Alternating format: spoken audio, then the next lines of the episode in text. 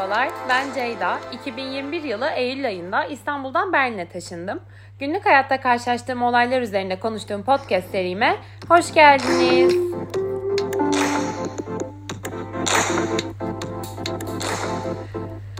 Yine bir bölümü geçmiş olsun diyerek açıyorum. Geçmiş olsun herkese, hepimize. Ee, biliyorum kimse iyi değil, bir sürede iyi olamayacak. Zaten eğer deprem bölgesindeyseniz ne yaşadığınızı tahmin bile edemem. Ee, ve inanın çok üzgünüm. Ne, ne söylemem gerektiğini bilemiyorum bile. Sadece çok üzgünüm.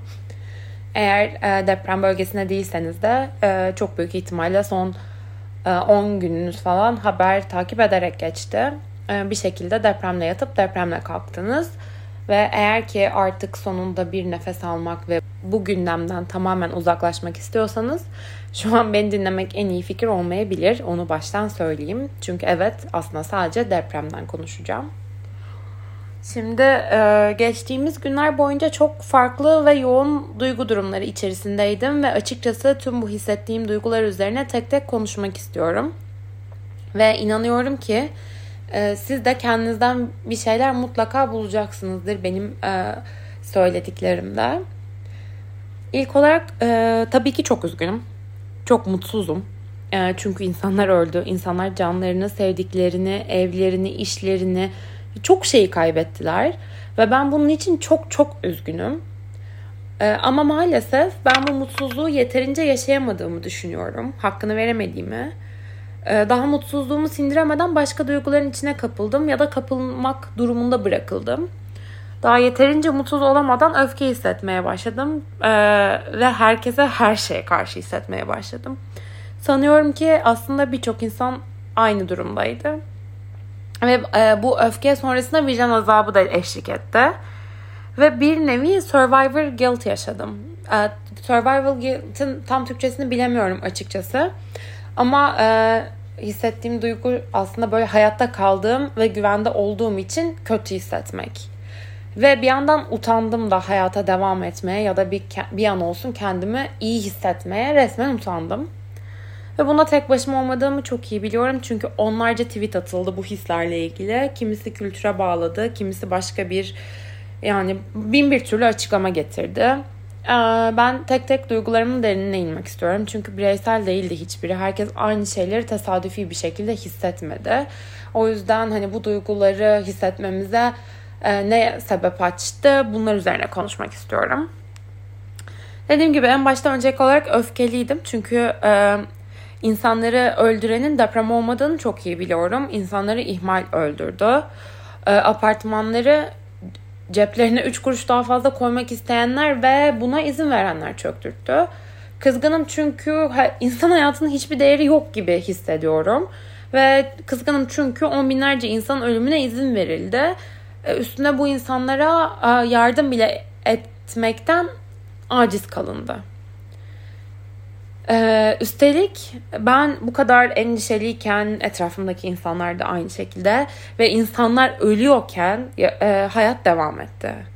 Ve ben buna daha da kızdım. Çünkü ee, bir yanda işte e, Türkiye'den arkadaşlarınla, ailenle konuşuyorsun ve müthiş bir trajedi yaşanıyor. Ve böyle belki içinde fırtınalar kopuyor ve sanıyorsun ki hayat durdu. Çünkü çok kötü bir şeyler oluyor ya. Ve yani bir şekilde evden çıkıyorsun ya da çıkmayı başarıyorsun. Belki o bile zor geliyor çünkü. Ve bambaşka bir gerçeklikle karşılaşıyorsun. İnsanlar mutlu, mutsuz. Hani her zamanki gibi hayatlarına devam ediyor burada. Ve Tabii ki ediyorlar aslında ama bu seni sinirlendiriyor. E, çünkü evet belki haberlerde görünce üzüldüler. Yani bazısı en azından. Ama kimse senin yaşadığın acıyı, endişeyi veya öfkeyi taşımıyor içinde. Ee, ve bu böyle kendi içindeki dünyanın ve halinle dışarıdaki dünyanın bu ağır kontrastı sana çok zor geliyor. Anlayamıyorsun yani. Diyorsun ben neredeyim? kimsenin umurunda mı, umurunda mıyım ve o kadar kişisel algılıyorsun ki ya çünkü acına tek başına bırakılmış hissediyorsun kendini. Ya ben çok eminim eğer İstanbul'da olsaydım e, zaten etrafımdaki herkes ailem, arkadaşlarım, dışarıya çıktığım herkes hani mutsuz olacaktı ve aynı acıyı yaşıyor olacaktık, paylaşıyor olacaktık. Ama e, burada aynı şeyi hissetmiyorsun ve dediğim gibi bu kadar hani kişisel algılıyorsun ki e, öfkelenmeye başlıyorsun buna. Ve e, dediğim tabii ki hayatlarına devam edecekler yani. Ben de en sonunda hayatıma devam etmedim mi nihayetinde. Ama bu yalnız bırakılmışlık ve iki dünya hani iki farklı dünya gibi hissetme ve bu iki dünyanın arasında bir yerde kalma hissiyatını bence e, çok göçmen yaşadı bu deprem boyunca. Bu yüzden işte iş yerlerinden ya da okullardan gelmeyen geçmiş olsun yazılarına, maillerine çok içerledik. Nasıl sormazlar? İş arkadaşlarım nasıl sormaz? Arkadaşlarım nasıl sormaz? Ee, hani bazı insanlara küstük falan hani ki ben de hani iş yerinde aslında bir sürü insan yazdı e, arkadaşlarıma yazdı ama hani gerçekten e, yazmayanları kafamda belirledim onları res, e, şey e, böyle kalbimden eledim gibi bir şey oldu benim için. Yani gerçekten inanılmaz içerledim buna. İhtiyacımız vardı çünkü acımızın paylaşılmasına. Aynı acıyan insanlarla sarılı değildi etrafımız Türkiye'de ol, olacağı gibi. O yüzden acımızı yaşarken yalnızdık. Ee, deprem haberiyle birlikte bu arada Berlin'e hemen e, bir dayanışma ağı kuruldu ve yardım toplanmaya başladı. Ertesi günü depremin salı günü ben de gidip işte eşya ayırma, kolileme işlerine giriştim ve tüm gün yok koli siparişi, yok kıyafet, yok şu eksik, bu eksik ayarlanmasına yardımcı oldum. Ki aslında hani burada bulunmak insana çok iyi geliyor. Bu biraz önce söylediklerimden sonra özellikle. E, çünkü o kadar yalnız hissetmiyorsun. E, ve hani tabii ki hoşuna gitmeyen saçma sapan şeyler de oluyor bu e, an e, bu esnada. Ee, ya da işte ne bileyim alakasız yardım eşyaları falan da geliyor. İnsanın siniri hopluyor ama e, işte böyle çok büyük bir çoğunluğun benzer hislerle yardım etmeye çalıştığını e, ve aynı acıyı paylaştığını görüyorsun ve bu kesinlikle içinde bir şekilde bir umut yaşartıyor. Hani diyorsun sadece kötü insanlar yok galiba bu dünyada. E, çünkü süreç boyunca o kadar çok kötülüğe şahit olduk ki bunu bile sorguladığın bir an oluyor. Ve hani böyle insanların varlığına tekrar e, şahit olmak sana kendini iyi hissettiriyor. Neyse dediğim gibi salı günü bir ara ben e, kıyafetlerle ilgilenirken bebek kıyafeti katlıyordum e, yardım kolileri için. Ve Böyle elimde bir tane e, patik çorap var yeni doğan için. Ve o an böyle bir saniye durdum ve dedim ki gerçekten deprem bölgesinde yeni doğan bir bebeğin patiği Almanya'da yaşayan herhangi bir insanın vicdanına mı kaldı ya? Hani bebek çünkü hani en çok yardıma muhtaç olduğumuz hayat dönemi değil mi yani? Yeni doğmuşsun hele.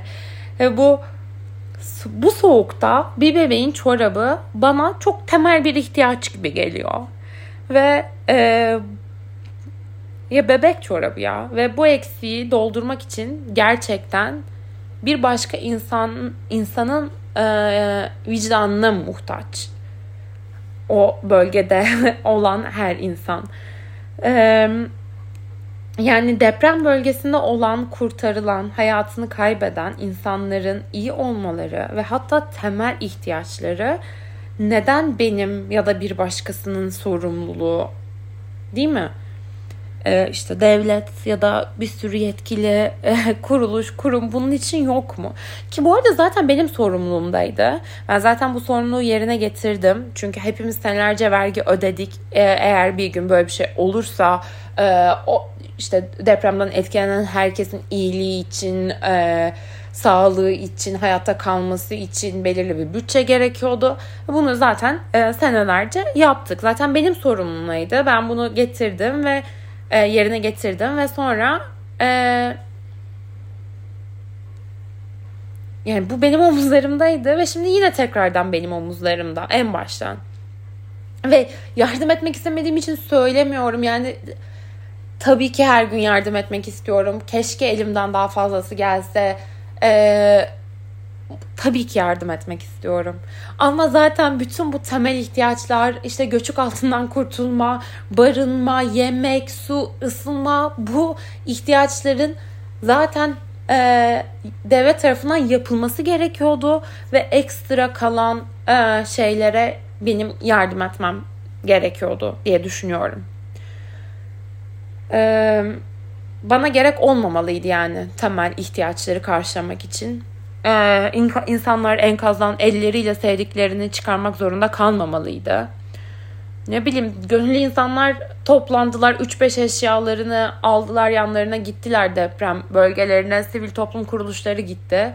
Hani nasıl asıl yetkili e, merciler gidemez, yetişemez, eksik kalır. Ben bunu algılayamadım.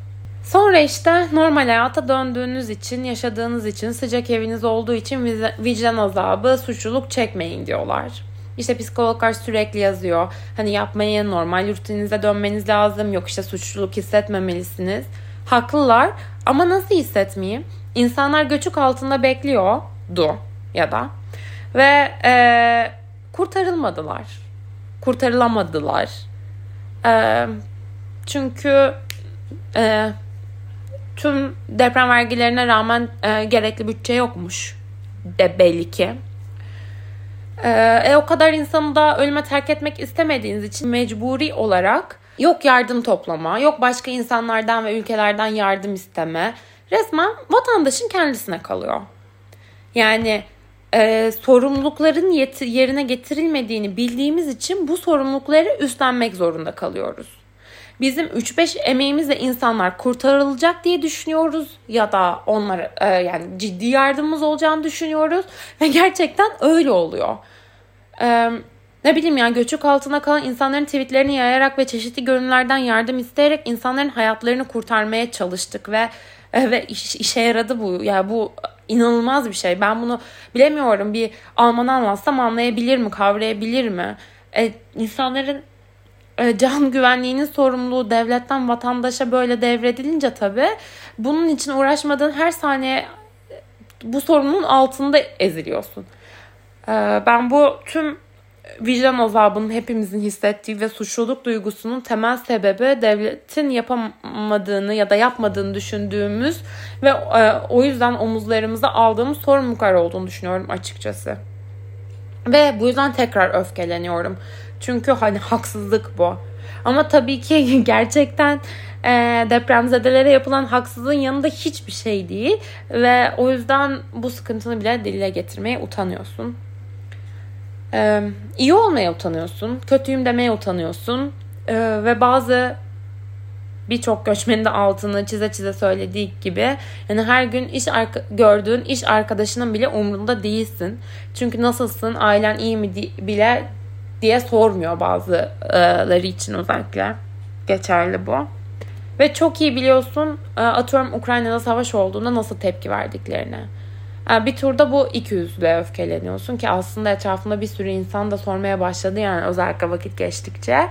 Ee, ama yani yine de bu öfkenin önüne geçemiyorsun yani.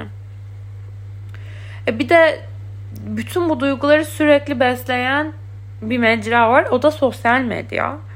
E çünkü çok kötü e, videolar, fotoğraflar gördük e, tüm süreç boyunca. Ve yani atıyorum Kahramanmaraş'ta olsak ve hani deprem bölgesinde olsak o zaten o sahneyi görmek çok travmatik bir şey. Ve sen e, hani bu sahnelerin videolarını ya da fotoğraflarını görüyorsun. Sadece aslında sosyal medyada. Ama hani bir gün bir şey e, çok resmen popüler oluyor yani o resim ya da video. Ve günde 20 kere görüyorsun ve yani o günde 20 kere gördüğün şey hani kaldırması o kadar da kolay bir şey değil yani. Gördüğün şey senin canını acıtıyor başka bir insan acısına şahit oluyorsun çünkü. Ve tekrar tüm bu üzgünlük işte vicdan azabı öfke bütün a, duyguların hiç durmadan harlanıyor. Ama ee, ne olursa olsun tabii ki ateş yine düştüğü yeri yakıyor. Çünkü hani ben de rutinlerime döndüm. E, işe gittim, akşam çıktım, insanlarla buluştum, makyaj yaptım. E, normal hayata geri döndüm yani. E, soracak olursanız tabii ki iyi değilim. Sorar ama. e, çünkü hiçbirimizde değiliz. E, bir sürede olamayacağız. Yani umarım daha iyi olacağız ama bir süre olabileceğimizi düşünmüyorum son olmasını umuyoruz tabii ki bunun ama e, bir yandan da işte sürekli konuşulduğu gibi hepimiz e, çok büyük endişeyle İstanbul depremini de bekliyoruz. E, Tekrar herkese çok büyük geçmiş olsun. Hmm. Kendinize iyi bakmaya çalışın ve takipte kalın.